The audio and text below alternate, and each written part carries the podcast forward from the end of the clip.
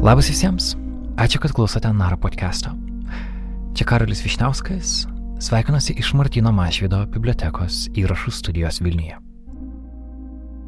Vasario 24-ąją yra vieneri metai nuo Rusijos pilno masto invazijos į Ukrainą.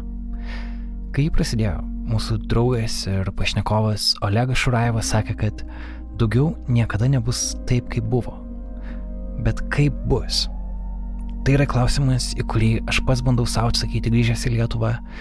Ir šios metinės yra proga refleksijai. Kaip karas mus pakeitė ir kur visa tai mus veda toliau. Pagrindinis epizodo blokas yra interviu studijoje su Naro kolegomis Karoliu Pilypu Litkevičiumi, Deniu Vėju ir Indrė Kiršaitė. Ir taip pat turime kelias jūsų, mūsų klausytojų pasidalinimus. Ačiū visiems, kurie atsiuntėte balso žinutės. O pačiai pradžiai aš noriu pasidalinti Nara bendrai kuriejos, fotožurnalistės Bertos Tilmantaitės balso žinutę. Paprašiau jos pasidalinti tuo, ką ji šiuo metu masto e, artėjant karo metinėms. Labas.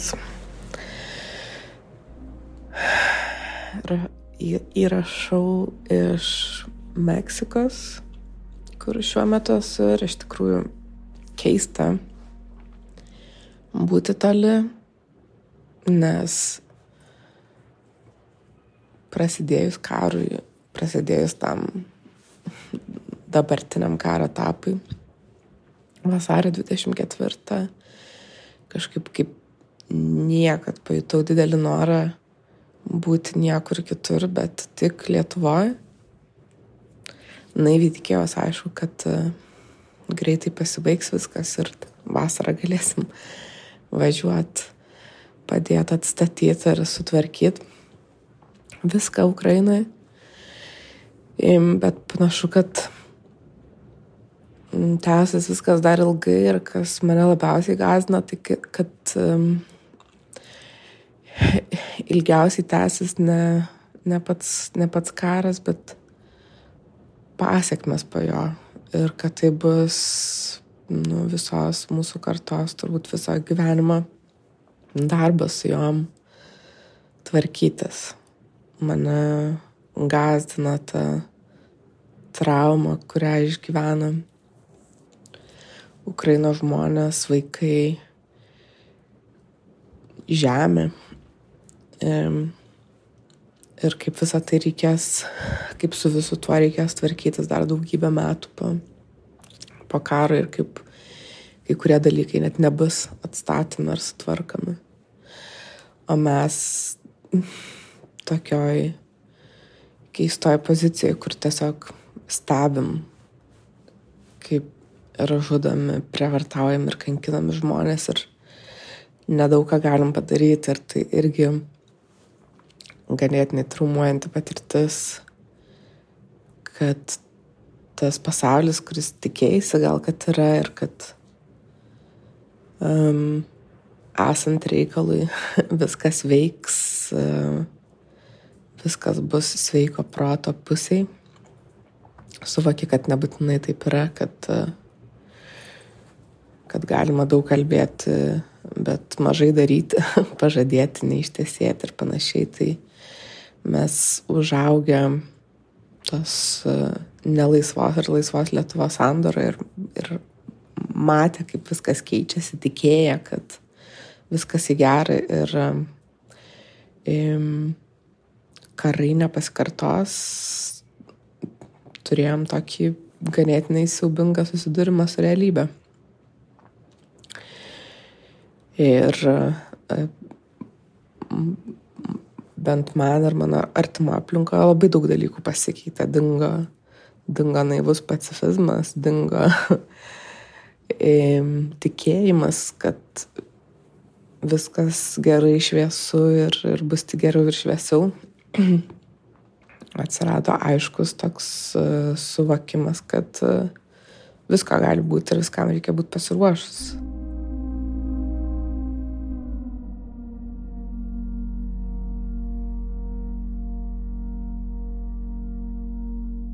Girdėjote Bertą Tilmantaitę, draugę ir kolegę, Nara bendrai kurie. O dabar grįžtame į Vilnių, einame į interviu studijoje.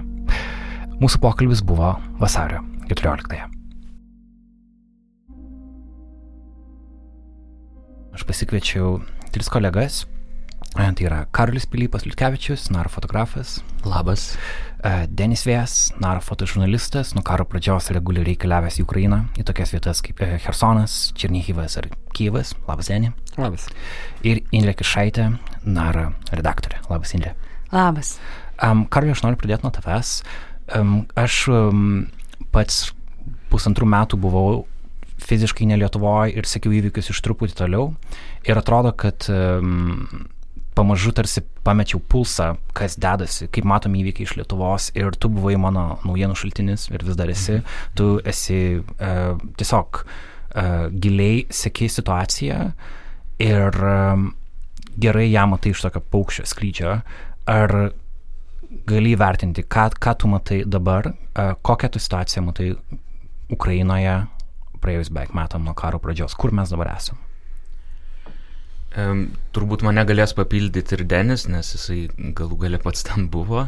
Aš kaip ir, kaip ir minėjai, matau viską iš tokių telegramo grupių, Twitterio uh, postų ir kitų kanalų, kuriuose pats jaučiu, kad praleidžiu labai daug laiko, nes esu įkalintas tokiame, um, tokioj būtinybei žinoti. Atrodo, kad net leiščiau savo, jeigu nesidomėčiau.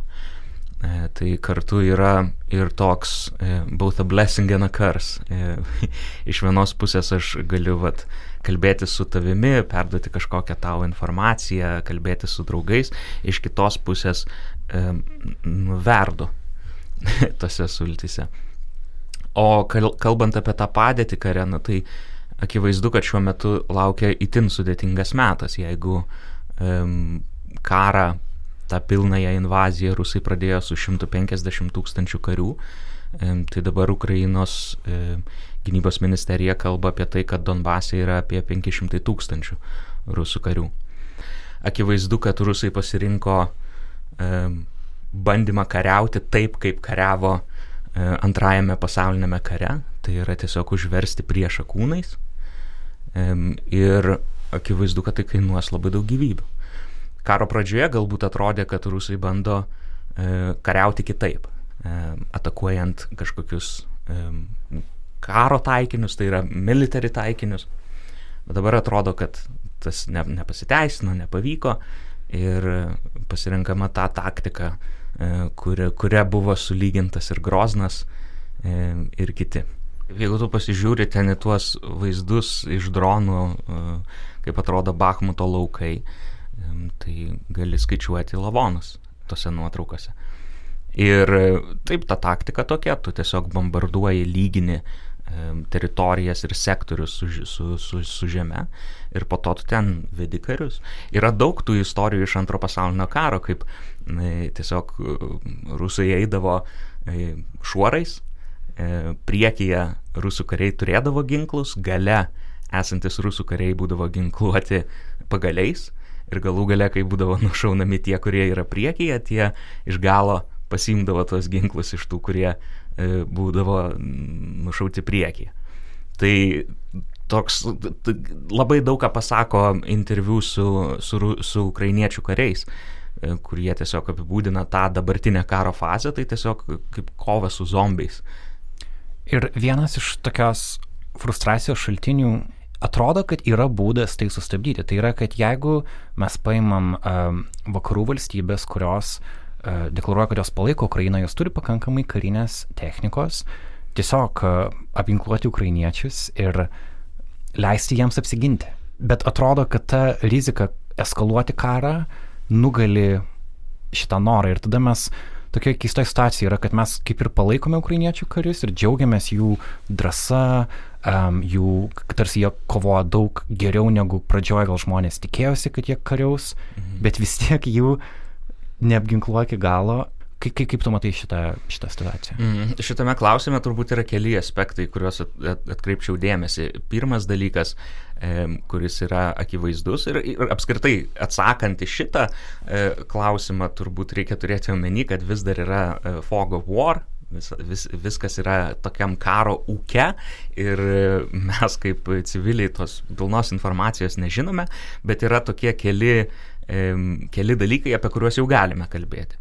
Tai pirmas dalykas, kad e, Europoje trūksta šovinių ir trūksta amunicijos, nes niekas nesitikėjo, kad bus kariaujamas e, 20-ojo amžiaus karas dabar.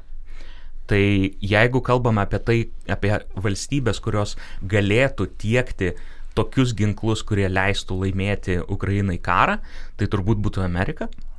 Um, man iki šiol yra klausimas, kodėl um, Amerika netiekia tolimojo nuotolio raketų ukrainiečiams, um, kodėl um, vėluoja um, tankai. dabar jau atrodo, kad po truputėlį tas dalykas juda, bet galime kalbėti ir apie naikintuvus, kurie greičiausiai bus, bet atrodo, kad irgi vėliau negu tikėtasi. Šiuo atveju, nu, taip, jeigu kalbame apie tą amerikiečių paramą, taip jie skiria tuos Bradley Fighting Vehicles. Bet Bradlis yra pagarsėjęs Amerikoje kaip nelabai gera kovos mašina. Um, ir turint omeny, kokios, kokią masę um, Amerikoje turi tas karinis industrinis kompleksas, atrodo, kad tikrai būtų galima um, skirti tokius ginklus, kurie leistų ukrainiečiams uh, laimėti. Yra diskusijų, kad nenorime skirti tų tolimoje nuotolio raketų dėl to, kad um, tada ukrainiečiai pradės atakuoti Rusiją ir ne tik ginti savo, savo šalyje. Bet e, dabar aišku, kad beveik visus e, Haimarso smūgius diriguoja amerikiečiai kad ukrainiečiai patys e, ne, retai kada iššauna Haimarso raketas, kurios, kurių nuotolis 80 km e, ir beveik visą laiką klausosi amerikiečių žvalgybos informacijos apie tai, kur reikėtų smogti ir kur reikėtų atakuoti. Tai akivaizdu, kad net ir turint tolimojo nuotolio raketas, kas leistų ukrainiečiams truputėlį pasisaugoti ir iššauti toliau nuo fronto tas raketas, e, vis tiek jos būtų šaunamos su, su, su kažkokiu Junktinių Amerikos valstybių žvalgybų tarnybų leidimu. Mm. E, trečias dalykas, kad turbūt neįmanoma ukrainiečiams to karo laimėti, neatakuojant taikinių Rusijoje. Ir tą mes matom dabar, kad Rusijoje per pastaruosius metus e, buvo tiek gaisrų, kiek nebuvo labai ilgą laiką. E, tai yra ukrainiečių spets tarnybos ir spets būriai veikia Rusijoje, degina taikinius, sprogdina taikinius. Tai akivaizdu, kad jau dabar yra nemažai polimo kontrpolimo iš ukrainiečių į taikinius, kurie yra Rusijos teritorijoje. Ir to karo laimėti grinai tik tai užsidarant Ukrainos e, tame geografinėme, ge, geografinėse sienose, e, turbūt, kad neįmanoma, nes reikia nukirsti log, logistinės grandinės, reikia sunaikinti amunicijos sandėlius, kurie vis toliau. Tai kadangi tie logistinė infrastruktūra traukiasi gilinį Rusiją, tai norint e, sustabdyti tą visą karo mašiną, natūralu, kad reikės atakuoti taikinius Rusijoje. E, turbūt bandoma prieiti prie to e, kažkokiais švelniais žingsniais. Yra tų daug teorijų, kad e, vakarai bijo staigaus Rusijos subirėjimo. Hmm. Kad e, kažkur už uždarų, vy, už uždarų durų vyksta e, tokia rimta geopolitinė inžinerija, kur žmonės sėdi ir galvoja, vad kas atsitiks su Rusija, jeigu jis staigiai subirės.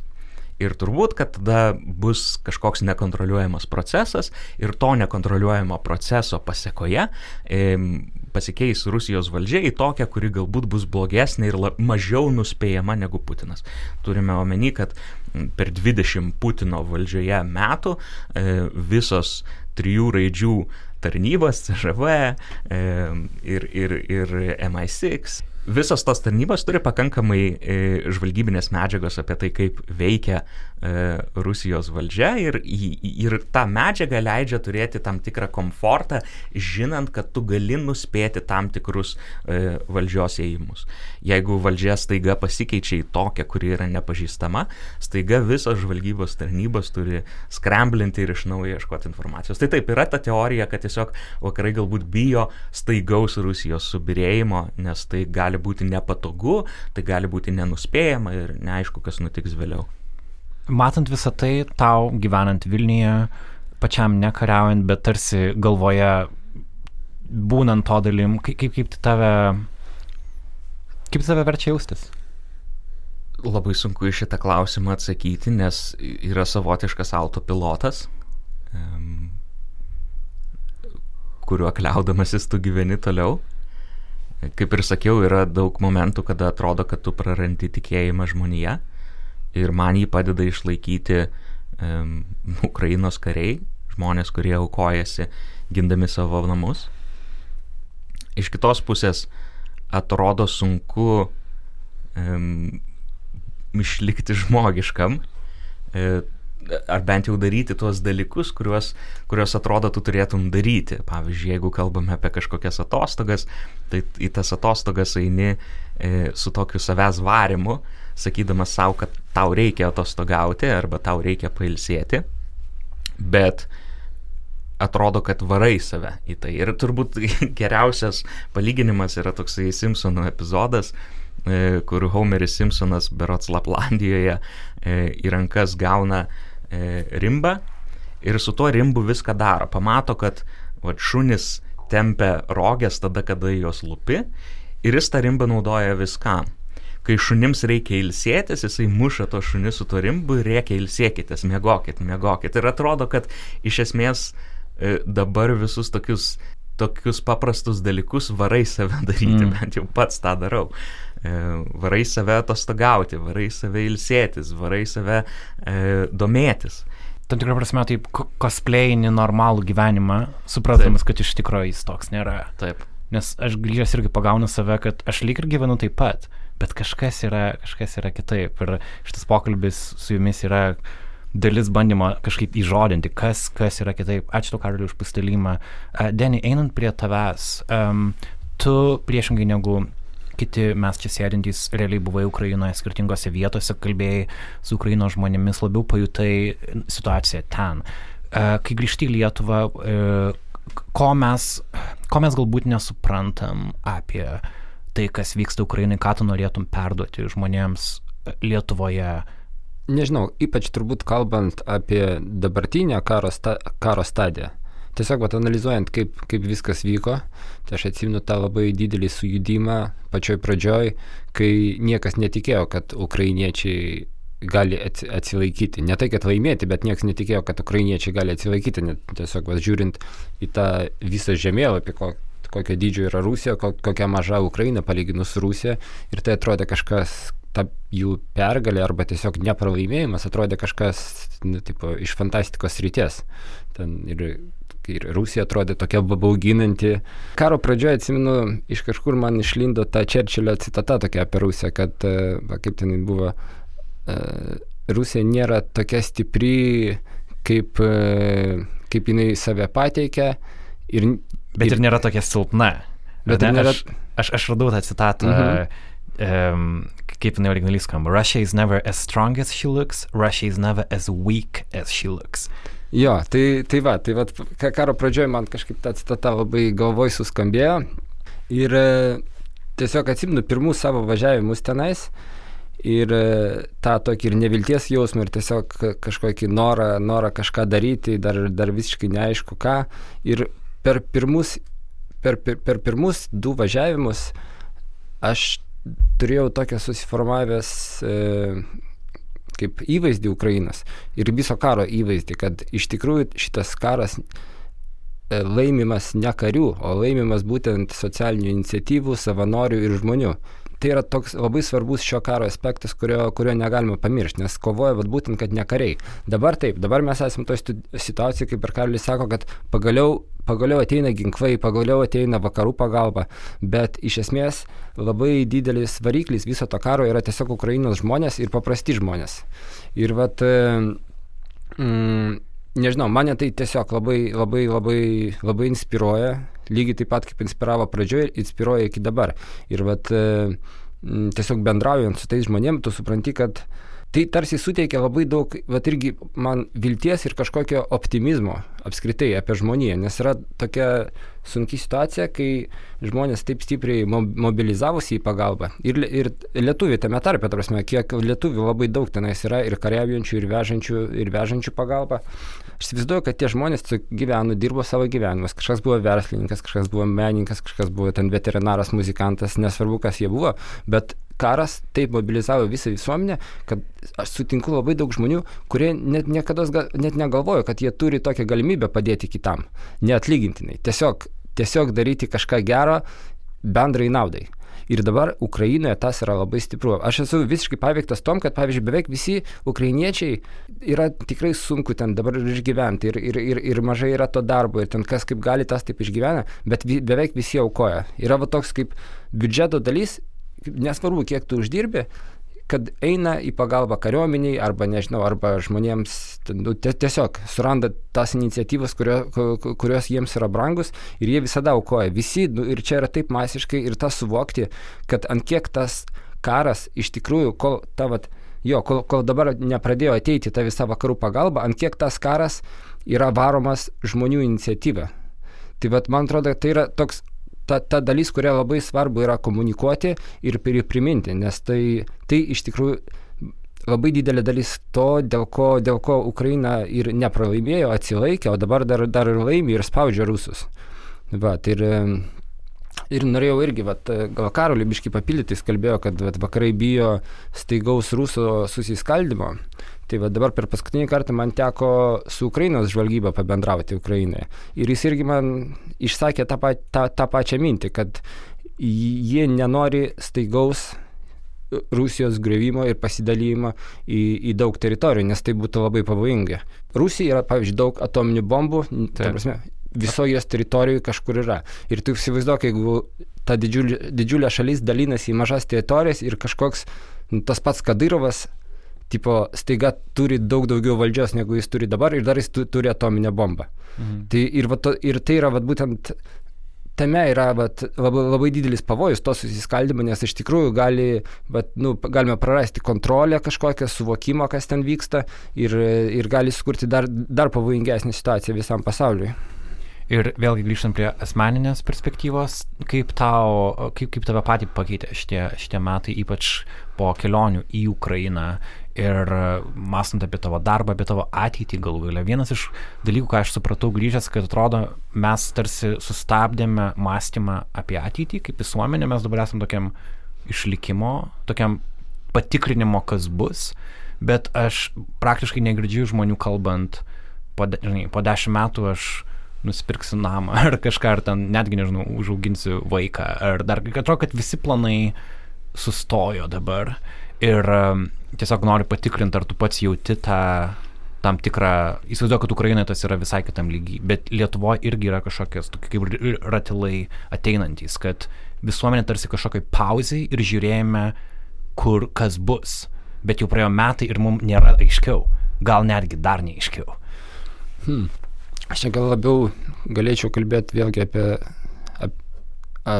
asmeniškiau apie tai išnekėti, kaip aš Žinoma. tą priemu. Mhm. Ne, ne, ne, ne, negalėčiau gal kalbėti apie visą visuomenę, bet man čia yra toks dalykas, kuris iš tikrųjų labai mane taško, atrodo, iš vienos pusės į visiškai kitą pusę.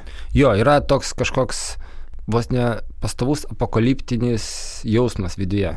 Ir, ir ne vien dėl karo. Jis tarsi, tarsi, bet nežinau, tarsi tas dar prasidėjo gal per COVID, kai, kai atrodo staiga pasaulis pasikeitė. Po to dar nespėjo pasaulis atsigauti nuo COVID, prasidėjo karas. Mhm. Ir atrodo tokia įtampa tiesiog pasaulyje kyla. Po to dar labai, man atrodo, bus dar labai daug iš to karo išeis dar po to labai daug pasiekmių, nežinau, tu, e, klima, klimato kokios pasiekmes bus šito karo. Tarsi, tai, kas dabar Turkijoje vyksta, viskas, man, man viduje tai tarsi viskas susideda į tokį vieną apokalipsinį scenarių, kur aš negaliu su optimizmu žiūrėti į ateitį. Mhm. Aš, ne, aš, prasme, aš jau toks nusiteikęs, tipo, gyventi, bet tame, kas vyks ir tame kažkaip tai reikės suktis, bet gal gerai pasakė Karolis, tokiu autopilotu, kad iš tikrųjų toks ateitis, kuri reikalauja tarsi kitų, kitų, kitus e, vidinių sugebėjimų. Ne, būtent ne tai, kad planuoti, pastatyti, pagalvoti kaip, bet labiau gal, aš matau, ateitį kaip kažką, kas reikalauja greitos reakcijos į tai, į tai kas vyksta. Okay. Ir, ir, ir ką tu darai tai su tuo? Tu prasme, kaip, kaip tu tam ruošiesi? Nežinau, aš tiesiog reaguoju, man atrodo, tai kas vyksta. Tai vadėtgi tos kelionės į, į Ukrainą, jos nėra, nė, nėra tokios per daug suplanuotos pas mane. Tiesiog važiuoju ten ir reaguoju tai, kad ten surandy, kas, kas, kas... Nežinau, aš negaliu pasakyti, kad aš kažkaip tai planuoju ateitį. Tarsi, iš, to, iš tos perspektyvos. Bet būtent, jo, karas vyksta, tu gyveni kare. Vat.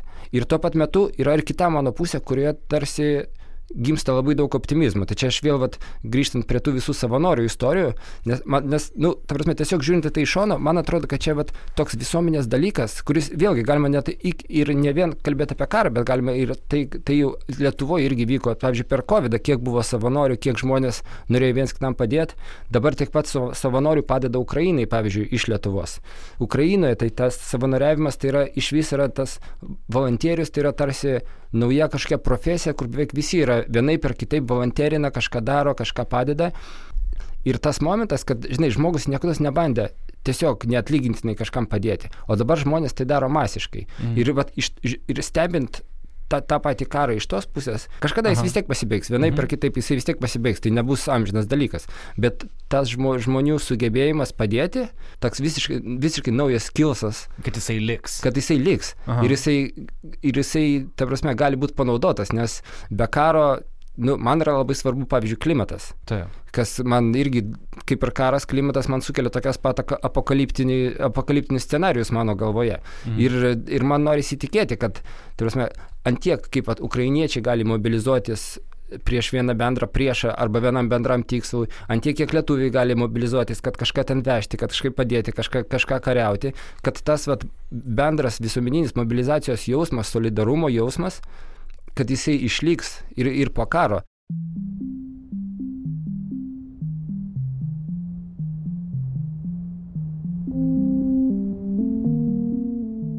Jūs klausotės Nara podcast'o. Šioje vietoje aš noriu padėkoti žmonėms, kurie mus palaiko per Contribui platformą. Mūsų adresas ten yra contribui.com/nara. Naujausi mūsų bendruomenės nariai ten yra Monika, Aušra Vinčiūnienė, Gedrė Harbrecht, Toma Gudelytė, Marta, Elena, Paulius Bakštys, P, Nerija, Ugnė, Rūta, Roberta Šoparaitė, Karolina Simaškaitė, Dangė, Mindaugas Galiauskas, Gabija, Kasparas Jurevičius, Aurelija Butskutė, Rasa Markauskaitė ir Viktorija Lenkauskaitė. contribui.com/nara ten yra adresas prisidėti. Ačiū visiems, kurie tai jau padarė. Kai ruošėme šį epizodą, paprašiau jūsų atsiųsti savo balso žinutės, kaip karas Ukrainoje pakeitė jūs ir noriu dalimi tų išnučių pasidalinti. Pradedu nuo mūsų klausytojos Lauros. Karas, man atrodo, pakeitė labai daug ką ir labai išgrynino daug dalykų. Man asmeniškai tai manau, kad teko suaukti beveik per naktį ir iš tokio naivaus pacifizmo ir galvojimo, kad įmanoma kažkokia taika mūsų regione su Putino valdžioje išgaravo labai greitai. Ir pačiai net juokinga iš savo tokio, tokio naivumo buvusio. Bet tuo pačiu pasidarė aktualūs labai identiteto klausimai, kadangi esu jau gyvenu ilgą laiką ne Lietuvoje, jaučiu, kad daug labiau sutariu ir kažkaip tapatinuosi su rytų europiečiais. Jaučiu dažnai, e, jaučiuosi dažnai nesuprasta, galbūt savo aplinkos.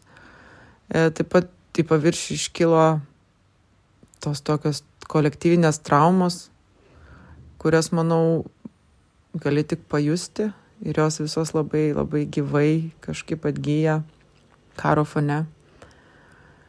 Ir nors, kaip ir, kaip ir matome, viskas po truputį grįžta į savo vežės, bent jau išorėje, bet manau, kad mano karta, tie kaip mes millennials, jau tikriausiai nebebus tokie patys. Ir mes pradėjome visai kitaip vertinti tai, ką mums suteikė nepriklausomybė ir išsivadavimas nuo Sovietų sąjungos ir Rusijos ir tikrai jaučiuosi labai kad man pasisekė gimti šiuo laiku. Girdėjote mūsų klausytoją Laurą. Dabar žinutė iš Karolio. Sveiki. Gyvenu ne Lietuvoje jau daugiau nei 20 metų. Išvažiavau į Ispaniją studijoms būdamas 18. Taip čia ir pasilikau. Ir kai manęs klausdavo, iš kur tu esi, man šis klausimas skambėdavo keistai. Gimiau Lietuvoje, užaugau ten, tačiau dabar daugiau negu pusę savo gyvenimo gyvenu kitoje šalyje, kitoje kultūroje. Todėl man šis klausimas buvo daugiau filosofinis, kurį aš e, turėdavau žmonėm plačiau paaiškinti. Nepaisant to, prasidėjus karui Ukrainoje, aš labai aiškiai ir labai greitai supratau, iš kur aš esu ir kas aš esu. Todėl galiu pasakyti, kad karas Ukrainoje man e, priminė mano identitetą. Aparto iš karto prisiminiau Lietuvos istoriją sausio 13, kuomet man buvo 9 metai. Ir supratau, kad e, mūsų šalies nepriklausomybė, kuri man atrodė, kad jau yra garantuota visiems laikams, aš supratau, kad tai yra labai, labai trapus dalykas. Ir ėmiau tai žymiai daugiau vertinti. Taip kalbėjo Naro podcast'o klausytojas Karolis. contribui.com/nara Ten yra adresas prisijungti prie mūsų bendruomenės ir palaikyti Naro darbą finansiškai.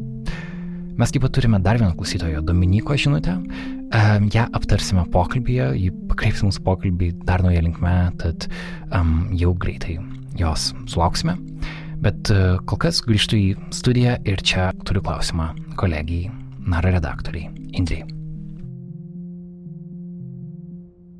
Indrė surezonavo, atsimenu, mūsų, mūsų pokalbis tik prasidėjus karui Ukrainoje, vėlgi reikia sakyti pilnos, pilnam karui Ukrainoje, um, kada e, tu man paskambinai tada į e, New Yorką ir pasakei, kad tu buvai e, susibūrime žmonių, kuris buvo tą patį vakarą po karo pradžios. Ir sakei, kad tu niekada nematėjai tokios, energija buvo kažkokia visai nauja, kad tokios vieningos žmonių grupės Lietuvoje, ypač turint omeny kontekstą, kas buvo prieš tai, kad buvo šeimų maršo protestai, buvo COVID, visos ten e, galimybių pasų diskusijos, atrodė, kad mes esam kažkokiai susiskaldžiusioje labai vietoje ir tada tas momentas tarsi kažkaip parodė kitokį visuomenės veidą. Um, ar gali apie tai daugiau prisiminti ir ir įvertinti, kiek to mes turime dabar praėjus beveik metam? Um, tu kalbėjai apie tą pirmąjį protestą ir susibūrimą, demo, tai. demonstraciją būtent žmonių, kada prie Rusijos ambasados susirinko apie 10 tūkstančių žmonių. Ir Taip, tai, tai iš tikrųjų buvo mm, įvykis, kuris man iki dabar kelia šiltus prisiminimus, nes Man atrodo, kad apskritai visi šitie metai yra apie susitelkimą, ką ir Denis kalbėjo. Ir man atrodo, kad kai m, mes turim daug bendrų visuomeniai taškų, kur galime susitelkti. Ir žinoma, karas Ukrainoje yra vienas iš jų. Ir buvo labai gera būti e, tame, toje demonstracijoje, tarptų dešimties tūkstančių žmonių, girdėti skirtingas kalbas, matyti skirtingas vėliavas um, aplinkui ir žinoti, kad kažkur yra mano mama, kažkur mano sesė yra, kažkur mano pusėserė su savo dukryte yra, kažkur visi kolegos, apskritai, kurie tuo metu buvo Vilniui, kažkuriuose, kažkuriuose vietose yra ir, ir visą tai fiksuoja. Aš pati labai mėgstu lankytis protestuose ir iki karo, ir, ir dabar, ir mm, lankausi aplinkosaugos protestuose, migracijos, e, įvairiuose kitose. Ir aš pamenu, prieš pusantrų metų buvo e, toks protestas e, prieš klimato kaitą, jis čia e, visiškai šalia buvo prie Mažvydo bibliotekos, prie Seimo. Mm. Ir pamenu, aš keliavau į tą protestą ir sutikau draugę ir, e, ir jis sako, e, sako, va, mačiau kaip tik praėjo visą eiseną, bet sako, o kam žmonės renkasi, o kas iš to, ką, ką pasiekti pasiek, ką, ką pasieksim. Ar, ar iš tikrųjų čia dabar klimato kaitą su, sustabdysim. Ir man kažkaip, aš atsimenu, su jie tada išsidiskutavom, kad šiaip tai, tai ne apie tai viskas mm. yra. Viskas yra apie bendrumą, apie buvimą jo tarp bendraminčių, apie supratimą, kad mes visi esame apie tą patį ir, ir kartu žinoma apie mm, dėmesį iš tom temom ir mm, žiniasklaidos žinoma dėmesį, apie, tai, apie atkreipimą dėmesio į visas šitas temas. Um, tai va, tai man atrodo, kad mes per visus šitus metus mes uh, tokią jausmų amplitudę, išgyvenome apskritai nuo tokios panikos, nuo didelio nerimo, um, vėliau iki turbūt susitaikymo su esama situacija ir kažkaip galvojimo, uh, kaip joje veikti Mhm. Um, aš pati gal jaučiu, kad uh, turiu veikti taip, um, turiu daryti tai, ką, ką moku geriausiai, tai dirbti savo darbą. Ir man, man tai labai padėjo karo pradžioje, e, man labai padėjo uh, pirmasis mūsų podcastas, kurį paleidome nuo karo pradžios, tai buvo pokalbiai su, su ukrainiečiais um, iš rytų Ukrainos ir iš pietų Ukrainos, kurie jau ir anksčiau, ir 2014 patyrė patyrė karą ir, ir kaip jie išgyvena tai dabar, tai Šiaip mano, aš jaučiu, aš visada gyvenime, jeigu iškyla kažkokia problema, aš pirmiausia nepanikuoju, o tiesiog ieškau jo sprendimo būdų. Ir visada, man atrodo, tiesiog mano taip galva veikia.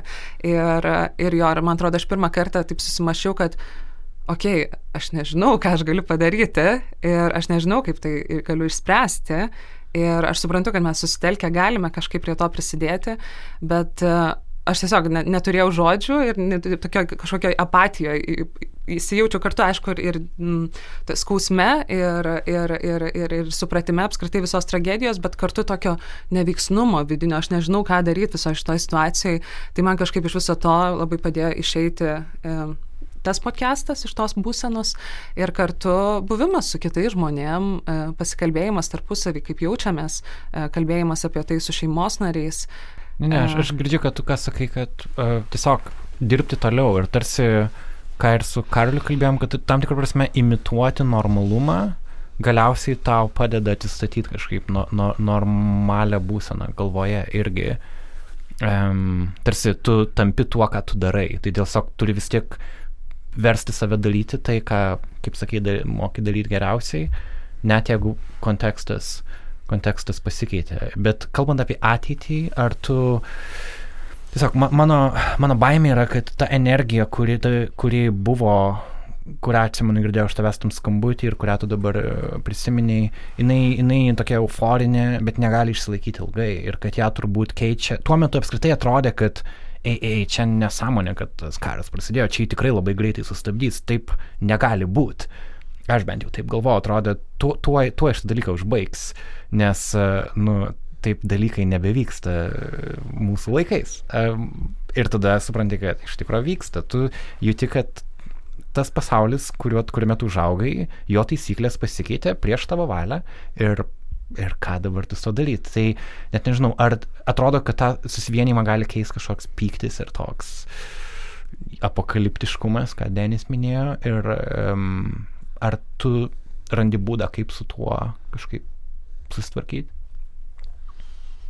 Mhm. Aš jaučiu visuomenėje nemažai nuovargio apskritai karui ir tai nežinau, net aš iš tokios galiu pusės pastebėti, aš nemažai denio, tarkime, tekstų redagavau um, Naroje ir apskritai mes daug dėmesio šiais metais skiriame karui Ukrainoje ir skiriame vis dar.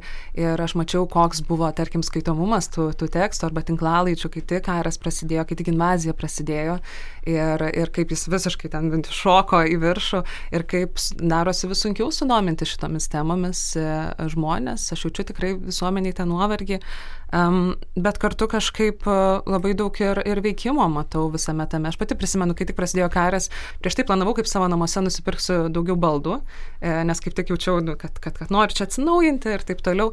Ir kai tik prasidėjo karas, ir aš tada pradėjau galvoti, kad, ei, nu, ta prasme, ukrainiečiai irgi darė savo namuose remontus, pavyzdžiui, pirko baldus ir visą kitą, ir visą tai gali būti taip greitai sunaikinta. Aš pamenu, kad tuo metu um, iš viso, gal nežinau, ten porą savaičių nesitvarkiau namų dėl to, kad nemačiau prasmės. O kas iš to, jeigu mes to visi mirsim, pavyzdžiui. Iš karto aš tokioje labai nuotaikoje gyvenau, bet e, man atrodo, kad mes e, po truputį susitvarkome su ta būsena ir atrandame, kaip joje veikti. Ir e, jo, aš jau tvarkausi namus. Nusipirkai baldus? Baldų nenusipirkau dar, bet, bet jau tvarkausi.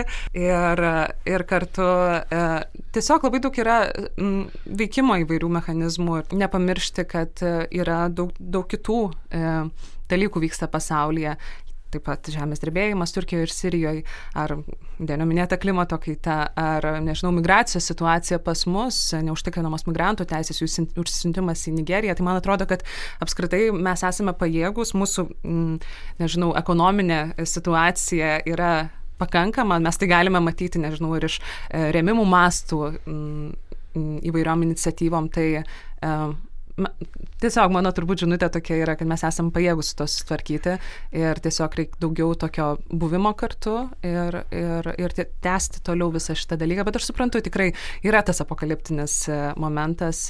Manau, tai vardai svarbu dalyką, kurį reikia kažkaip mums užfiksuoti ir man įdomi jūsų visų nuomonė apie tai, nes Lietuva yra tokia na, mes nesam toje situacijoje kaip Ukraina, mes turim, mes esam daug geresnėje situacijoje. Pas mus karas nevyksta, mes esam NATO nariai, mes esam ES nariai. Ir grinai ant popieriaus žiūrint, mes, mes padarėm namų darbus, mes, mes esam apsaugoti kitų valstybių. Ir aišku, patys iš savęs turim irgi rūpinti saugumu, bet iš esmės um, mes, tu, yra tas požiūris, kad niekada Lietuva nebuvo tokia gerai situacija, kokia yra dabar. Kita vertus, turbūt yra tas jausmas, kad, kad visa tai tik teorija ir kad, kad jeigu šalia mūsų gali kilti karas ir pas mus jis gali ateiti lygiai taip. Ir, um, ir kai aš diskutuodavau su draugais iš kitų šalių, jiems uh, man būdavo sunku paaiškinti šitą du dualumą, kad viena vertus mes ir saugus, bet ir ne, ir tada klausimas, o kodėl, tai kas pas mus yra kitaip, ir ar, ar kokia yra reali grėsmė, kad karas kils pas mus. Ir, ir, ir aš neturiu to, to, to atsakymo. Karaliu, kaip tu manai, kokia yra reali grėsmė Lietuvai? Fizinė grėsmė. Mano galvoje liktis yra gana paprasta. Jeigu kažkas atsitinka mums, ar čia suvalkų koridoriuje, kuris yra pramintas e, silpniausia NATO vieta, ar kažkur aplink Vilnių iš Baltarusijos pusės, ir NATO į tai nesureaguoja, tai vadinasi, kad visa NATO idėja yra fiktyvi, kad jeigu penktasis straipsnis nesuveikia, tai NATO yra bullshit. Visa sąjunga kliūna. Taip. Tai ir aš abejoju, ar, ar, ar JAV, kuri šiuo metu kaip tik labai suinteresuota yra mm, išlaikyti esamą e, geopolitinį modelį visame pasaulyje, e, leistų tokiam dalykui įvykti. Galbūt baisu kad kadangi tokia rimta ginkluotė vėluoja arba jos yra nedaug, kadangi karas jau tęsiasi metus ir greičiausiai tęsis dar netrumpai, e, tai sukuria erdvę dialogui e, Junktinėse Amerikos valstijose, kuris man atrodo pavojingas. Donaldas Trumpas pradėjo America First retoriką.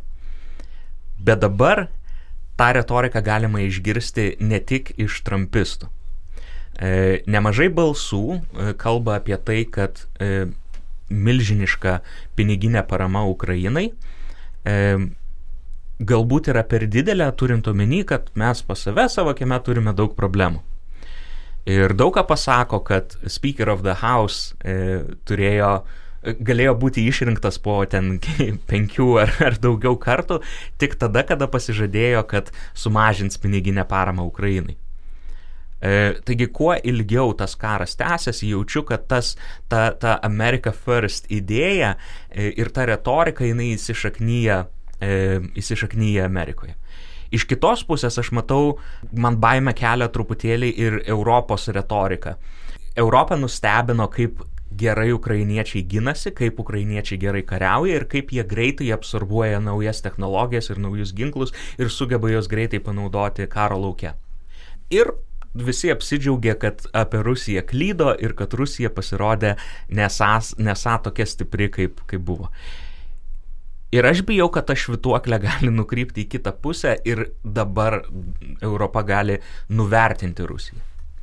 Ir, ir tikėtis, e, kad Rusija e, kariaus lygiai taip pat blogai, kaip kariavo karo pradžioje. Tai šitie du elementai, šita, šita, šitie, šitie du dalykai man turbūt kelia daugiausiai baimės.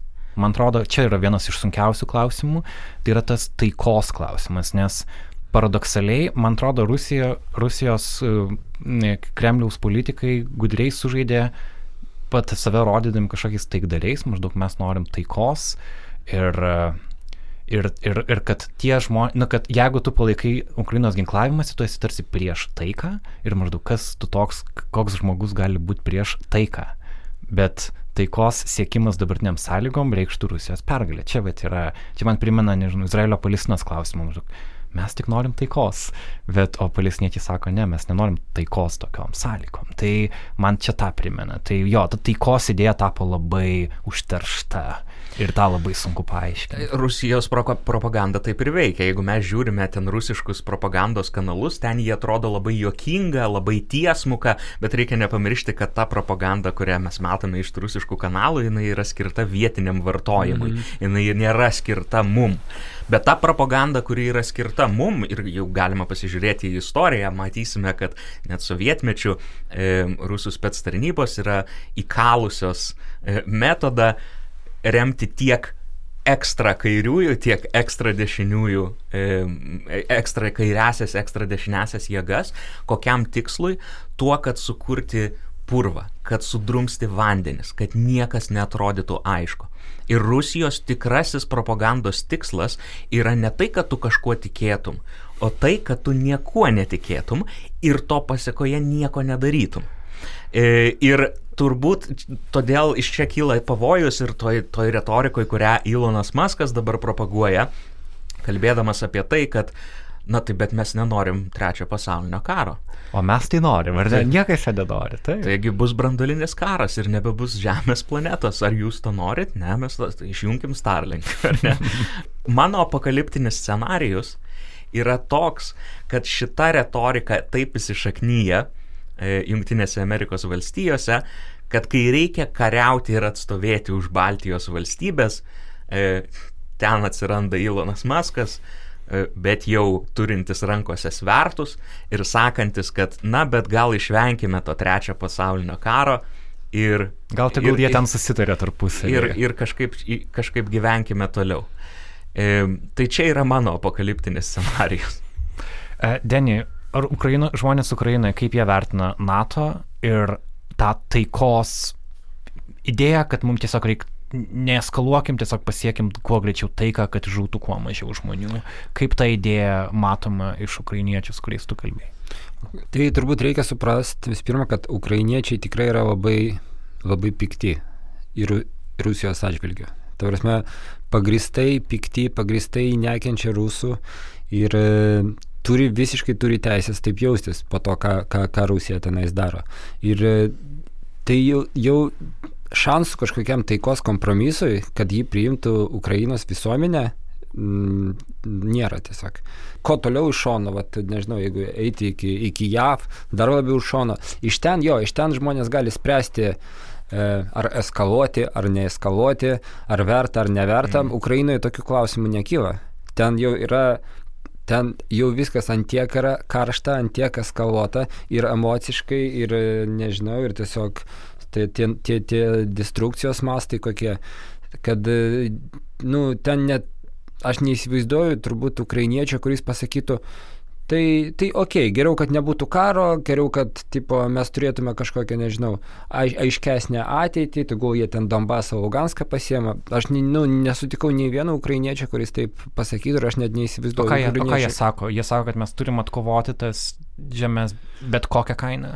Taip, ir netgi, man atrodo, kažkur tai mačiau paskutinę apklausą Ukrainui, kad netgi jeigu kiltų brandolinis karas, didžioji dalis, aš nepasakysiu procentų, bet man atrodo, link 80 procentų apklaustųjų pasakė, kad jie vis tiek kovotų, net jeigu kiltų brandolinis karas ir jie jau taip ir savo žemę neatiduotų ir jie tikrai nori keršto už viską, ka, ka, ka, kas ten yra padaryta.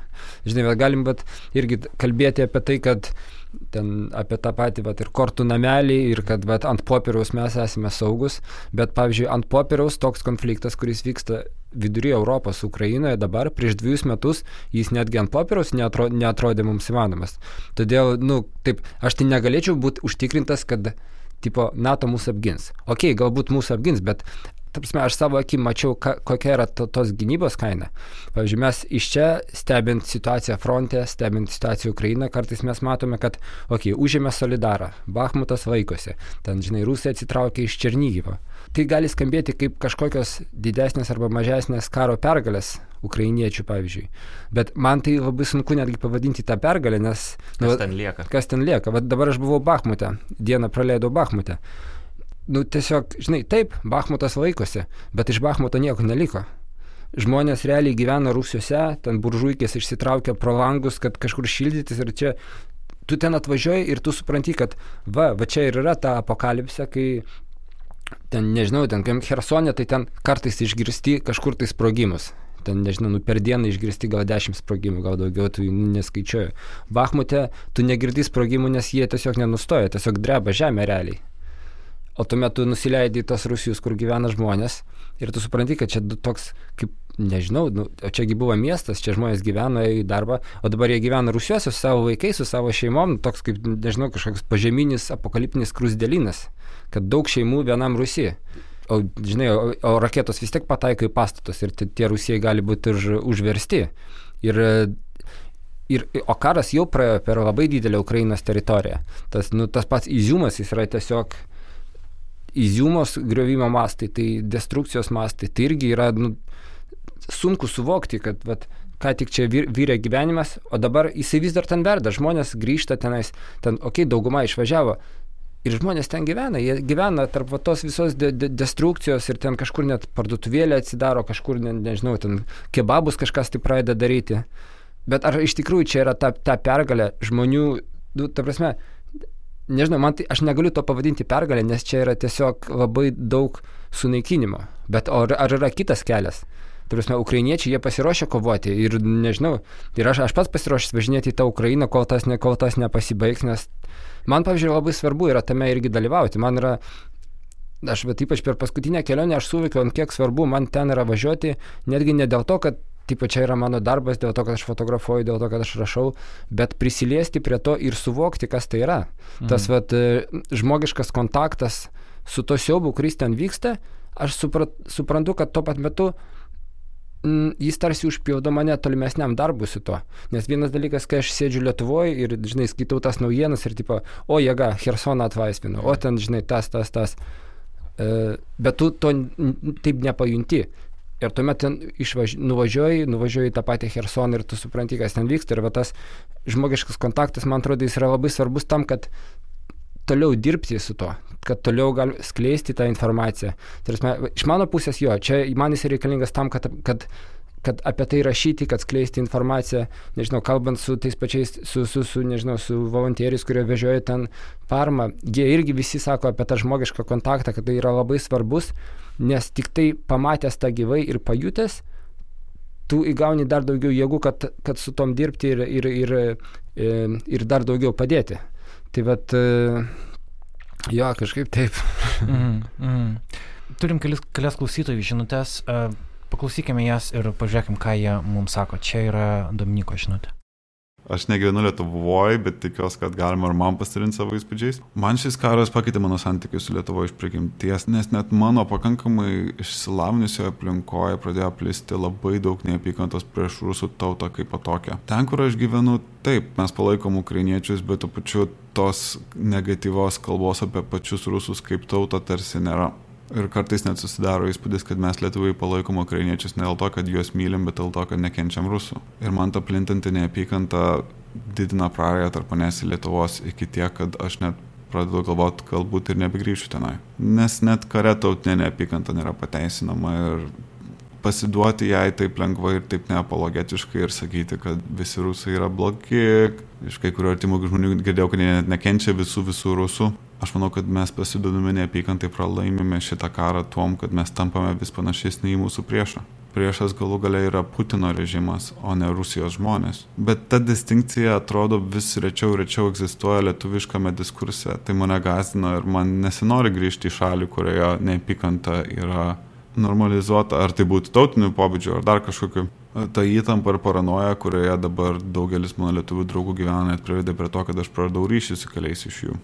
Tad man neramu ne vien tik dėl Ukrainos ir jos sėkmės kare, bet ir dėl pačių lietuvių ir jų širdžių. Ir aš tikiuosi, kad, na, neapykanta neužsiliks ir ilgainiui mes pradėsime vėl skirti, kas yra režimas ir kas yra žmonės. Mano vardas Dominikas, tik kas per daug nepriešnekiau, ačiū, kad išklausėt. Denė, aš noriu likti prie tavęs. Jeigu aš neklystu, tu pats esi iš e, lietuvių rusų šeimos, ar ne? Iš, iš rusų kalbų šeimos, iš tikrųjų. Gimiau Lietuvoje, turėsime kalbėjau visada dviem, dviem, dviem kalbom. Iš mamos pusės tai iš tikrųjų čia penkta karta e, Lietuvoje gyvenanti, iš tėvo pusės e, pirma. Aha. Jo. Ir kaip tu girdėjai klausytojo Dominiko žinutę turint šitą dualizmą, viena vertus matant visą destrukciją, kurią Rusija daro Ukrainoje, kita vertus jaučiant, kad karas kuria atotrukį tarp Rusų, žmo, Rusijos žmonių, na, kad kaip Rusijos žmonės matomi, kad tai tarsi prieš tave atsisuka irgi. Kaip tu visą tai matai? Mm. Jo, čia yra, turbūt šitas klausimas yra man pats, pats sunkiausias iš visų karo klausimų, bent jau į jį atsakyti. E, Nes e, jo, žin, aš nežinau, tarsi suprantu, ką kalba Dominikas, aš visiškai suprantu ukrainiečius, pats esu kažkur tarsi per vidurį. E, šiaip iš prigimties, iš visos mano gyvenimo patirties, tai aš visada e, bu, buvau turbūt prieš tokį bendrą bet kokios etninės, rasinės, bet kokios grupės, grupės demonizavimą. M, Bet šiuo atveju iš tikrųjų nežinau, nes kartais aš jaučiuosi taip, o kartais jaučiuosi taip. Kartais man atrodo, kad, kad, kad nu, tai tikrai visas pasaulis turi teisę demonizuoti Rusiją. Kartais man, man tikrai taip atrodo, ypač kai aš būnu Ukrainoje, kai aš kai, kai, kai, kai bendrauju tenais su žmonėm, kai, kai nes, nes jo, aš, aš, prasme, aš Vat, pavyzdžiui, po, po, po vietose, po, po deokupuotose vietose aš visada paklausiu žmonių, tai kaip iš tikrųjų elgesi rusai. E, ir visur tos pačios istorijos iš tikrųjų. Visur tos pačios istorijos iš tos pusės, kad m, jie visi tiki tom, ką daro. Jie neabejoja tom, ką, ką, jiems, ką, ką, ką, jiems sako. Ir čia, vat, kaip Karlis labai gerai pasakė apie propagandą, e, kaip jinai iš tikrųjų veikia. Ir, ir va čia jau man biškit perina į tokį filosofinį netgi klausimą. Nes aš suprantu, kad tie žmonės, jie tiki, jie tiki tom, ką jie daro. Ir ar jie kalti dėl to, kad jiems tai įskėpė iš tikrųjų? Ar jie kalti, kad ten jau Putino režimas jau dvi, dvi, dvi kartas užaugino, užaugino taip, kaip jis norėjo juos užauginti. Turėtume, yra labai sunku pralaužti galvoje va tą rūką, kurį tau, nežinau, čia kaip tas, čia kaip, kaip religija, kur tave visą laiką tau kažką kyša, tau sako, kad taip, taip, taip ir labai sunku, sunku, sunku galvoti kitaip. Ir aš manau, kad, kad, kad pas daugelį rusų galvoje yra būtent, būtent taip, kad tas yra taip giliai, taip, e, mm, nežinau, tiesiog ta, ta pasaulyje žiūra yra tokia, kokia ji yra. Ir čia, čia ne, nu, tas pats, kad, okei, okay, jeigu tu blogai išauklėjai šunį, tai tipo, kas kaltas? Šeimininkas, kuris blogai išauklėjo šunį, ar šuo? Kuris užaugo toks. Tas pats su vaiku, ar tu, jeigu tu ten, nežinau, darai kažką, kad tavo vaikas užaugo blogas žmogum. Tai kas, ar, ar, tie, ar tėvai kalti dėl to, ar vaikas, kuris tokiu užaugo, ar aplinkybės kaltas, ar nežinau, ar, ar tie, kurie tas aplinkybės diktuoja.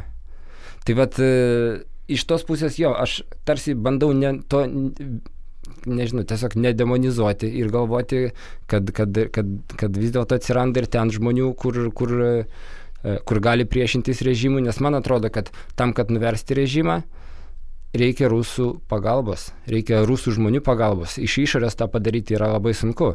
Ir tuomet pradedi galvoti apie visus rusus, kurie išvažiavo iš Rusijos. O tai kur jų balsai? aš, aš galiu suprasti žmonės, kurie bijo eiti į protestus, nes jos gali suimti ir Lukašenkos režimas, rusų režimas, tai yra žiaurus režimai, kur, kur tu nenori, kad tave sučiuptų tos pačios trijų raidžių tarnybos. Tai ok, bet ir tuomet tai mane teis, tarsi pateisina tos žmonės, kurie nesukyla prieš, prieš, tą, prieš režimą Maskvoje. E, bet kodėl tie žmonės, kurie išvažiavo iš ten tyli? Gal dėl to, kad jie niekada negyveno demokratijoje ir tu perkelų žmogų, tu nepaversi jo kažkokio aktyvisto, jeigu jis niekada gyvenime tokių nebuvo? Nu, taip, bet, bet, bet, ta prasme, bet tavo šalis tiesiog naikina kaimyną. Ar tai nėra proga pasi, viški pasikeisti ir bandyti galvoti kažkaip kitaip, ar tai nėra tas trigeris, kuris gali...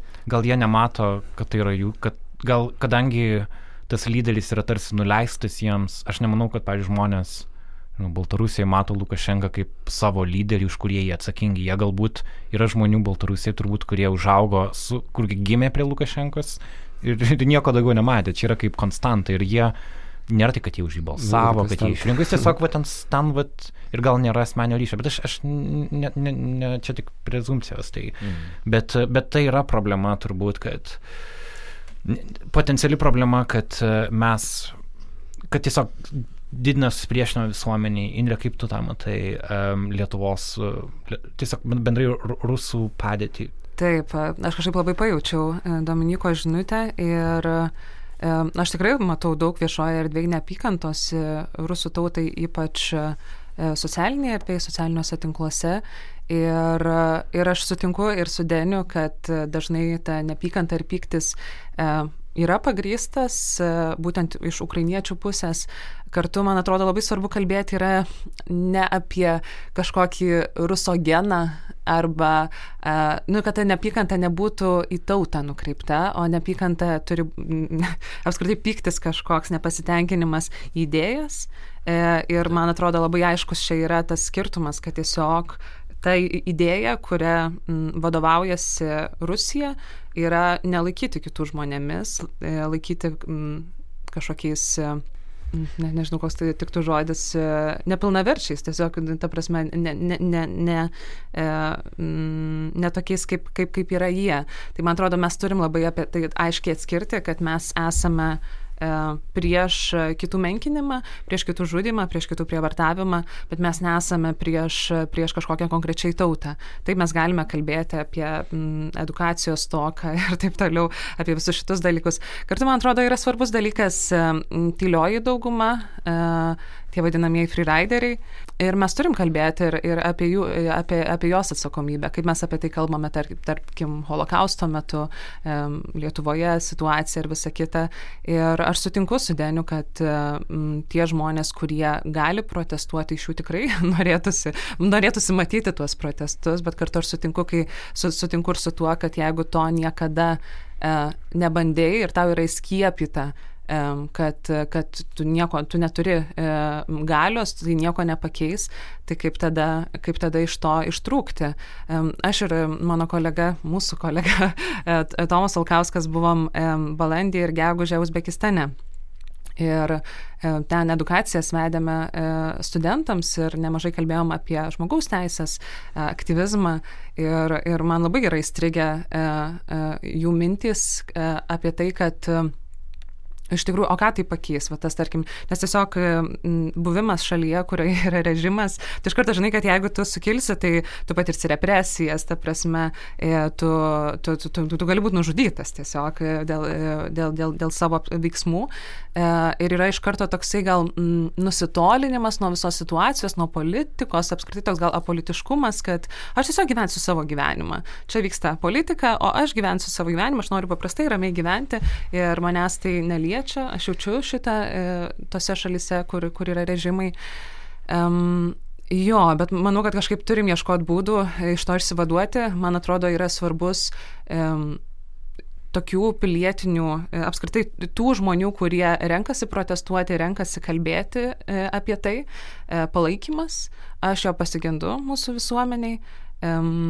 Jo, tai Tai manau, tai yra labai svarbu. Man, man atrodo, labai svarbus yra uh, rusų tyriančių žurnalistų darbas, um, ar tai kalbėtume apie The Insider, ar taip pat ir Bellingcat, ten, ir ten dirbančių žmonės, ir, ir, ir daug, daug kitų.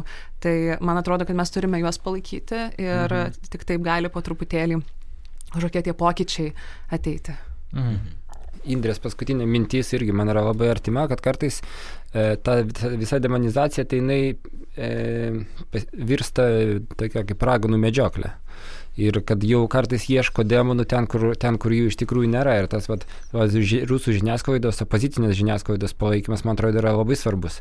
Ypač ta, ta žiniasklaida, kuri išvažiavo iš, Rusijoje, iš Rusijos ir tęsė savo darbą Rusijos auditorijai. Va, ir tas labai, labai dažnai tas, tai ta pati situacija su došt, kai, nežinau, kai, kai, ta, kai nu, tiesiog tas jau virsta tokia, vat, raganų medžioklė. O man atrodo, kad vat, žiniasklaida dabar yra ru, rusų vat, pozicinė žiniasklaida ir pagrizi, pa, taip pat pagrindinė politinė e, Kremliaus e, opone, oponentė. Tai čia vat, būtent iš kur, jeigu ir gali ateiti e, pokyčiai, tai, jie, tai, tai žiniasklaida čia sužais labai, labai, labai svarbu vaidmenį. O tuomet kalbėjom, baigiam temą tom, kad kodėl jie išvažiuoja ir, ir, ir, ir, ir neišeina į gatves, kodėl jie neprotestuoja, kodėl jie, ne, ne, ne, nežinau, tiesiog tyli. Ir vat, tu sakai, kad e, galbūt jie niekada negyveno demokra demokratinėje šalyje. Tai jo, galbūt, bet e, o kas, kas jiems yra kitoje svarstyklių pusėje iš tikrųjų? Yra toks, nu kaip, nežinau, kaip e, juodas paženklinimas visos tautos už tai, kad jie to nedaro. Tai nežinau, tiesiog aš įsivaizduoju dabar turėti rusų, rusų pasą pasaulyje dabar yra kaip koks prakeiksmas. Tai netgi, netgi kalbėti rusų kalba kartais būna toks jau, kad, tai, kad žinai, tarsi, okay, dabar Lietuvoje, pavyzdžiui, daug galime išgirsti rusų kalbos, nes tie patys ukrainiečiai kalba, kalba rusiškai. Bet, pavyzdžiui, tiesiog man labai įsiminė, kada aš grįžinėjau iš Graikijos, grįžinėjau į, į, į Lietuvą ir Vilnius ir oro uostę, ėjau per tą koridoriuką jau, tą tokį siaurą ir irgi atskrido tam pačiam lėktuvė rusų šeima. Ir tokie, nežinau, tokie tipo, tipo kieti rusai, nežinau, ten eina tom koridoriu ir juos praleido į Lietuvą ir aš girdžiu, kaip jie šnekasi.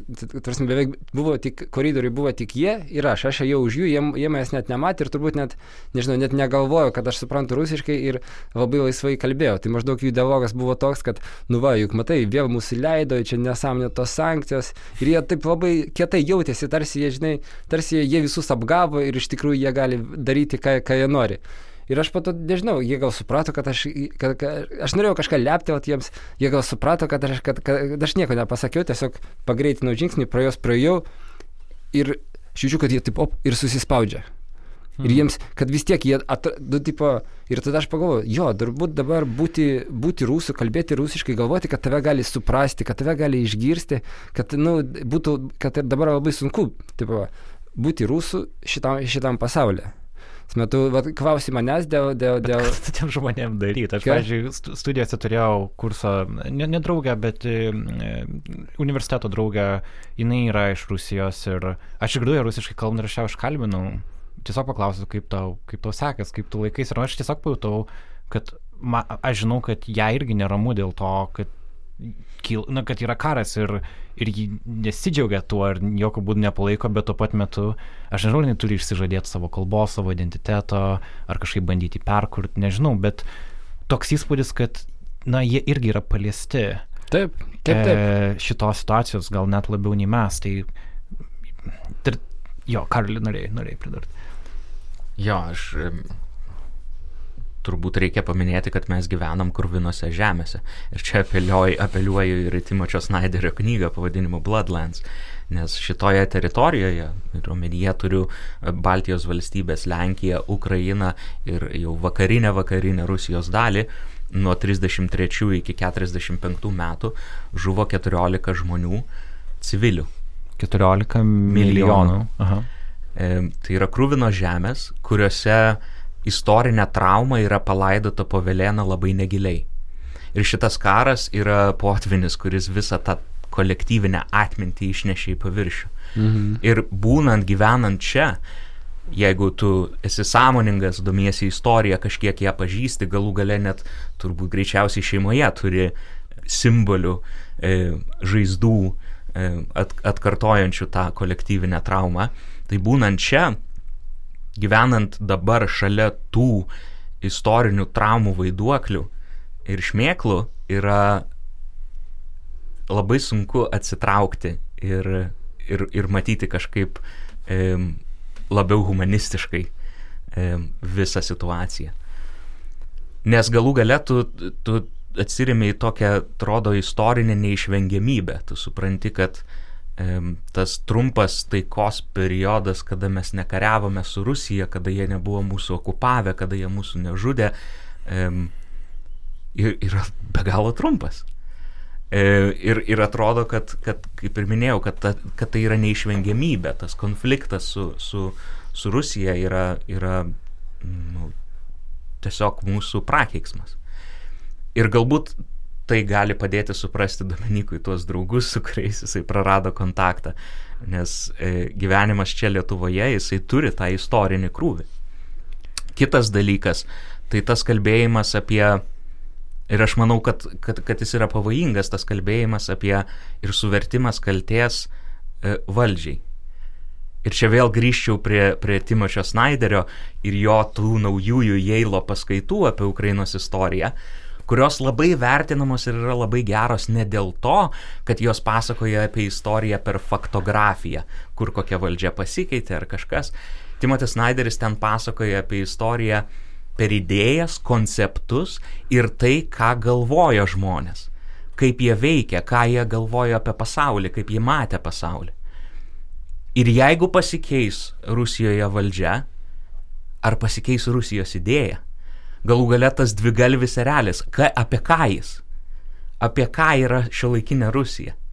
Ir manau, kad čia yra neįtikėtinas, e, sunkiai man suvokiamas Putino padarytas darbas, kai jis sugebėjo pasimti imperijos šukes ir iš jų sukonstruoti šio laikinės Rusijos idėją, kuri pilna paradoksų, kur vienu metu tu gali garbinti Sovietų sąjungą, bet kitu metu dalyvauti mišiose pravoslavų bažnyčioje, religijoje, kuri buvo draudžiama Sovietų sąjungoje.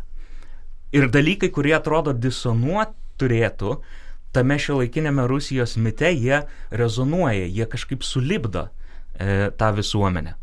Ir ta Rusijos idėja, kuri yra dabar, na, ji labai aiški.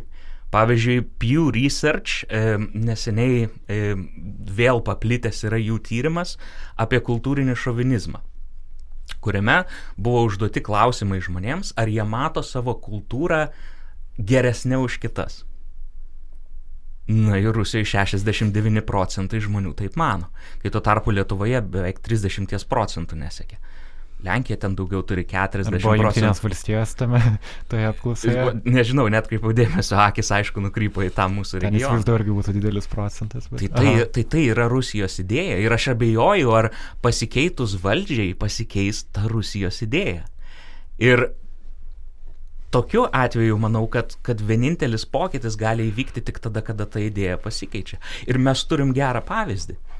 Mes turim Europos, vakarų Europos žemyną, kuris tarpusavyje kariavo, pjovėsi, kuris sėjo kolonializmą, kuris augino kolonijas ir staiga po antro pasaulinio karo visi susėdo ir sako, nu ką, rebrandinam save, mes gyvensime sąjungoje, mes e, propaguosime demokratiškas vertybės, žmogaus teisės Ir galų gale netgi galima pasakyti, kad they practice what they preach. Europos Sąjunga yra turbūt e, lyderiaujanti žmogaus teisų prasme visame pasaulyje. Tai idėjos pakeitimas, man atrodo, yra įmanomas, bet ir noriu tikėti, kad įmanomas ir Rusijai. Klausimas turbūt tada lieka, kada jis gali įvykti. O jis įvykti turbūt gali tik tada, kada jų dabartinė idėja pralaimi, kada jinai yra nebereikalinga. Ir prieš tą šio laikinės Rusijos idėją kovoti reikia ne tik karo fronte. Prieš ją reikia kovoti, kovojant prieš kultūrą, ta, kuris sieja tos idėjos blogasias savybės ir principus visoje Europoje ir už Rusijos ribų. Reikia kovoti su religija. Ir ačiū Dievui, kad atsijungia e, pravoslavų bažnyčios nuo, nuo Maskvos tinklo su ta Rusijos idėja reikia kovoti visais frontais.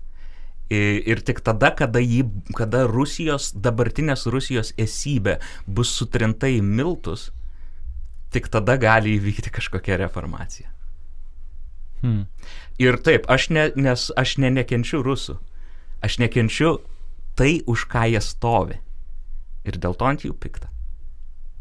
Ačiū Jums, kad atėjote šiandien. Uh, viena, kas aišku, tai kad mes ilgai šitame turėsim būti ir um, aš vėlgi jaučiu mūsų klausytoją Dominiką, aš pats augau su mintim, kad atrodė visas tas istorinės kovos mūsų regione baigėsi. Aš užaugau kaip es pilietis, su augančia ekonomika, atvirom sienom, anglų kalba, knygom, visko prieinama.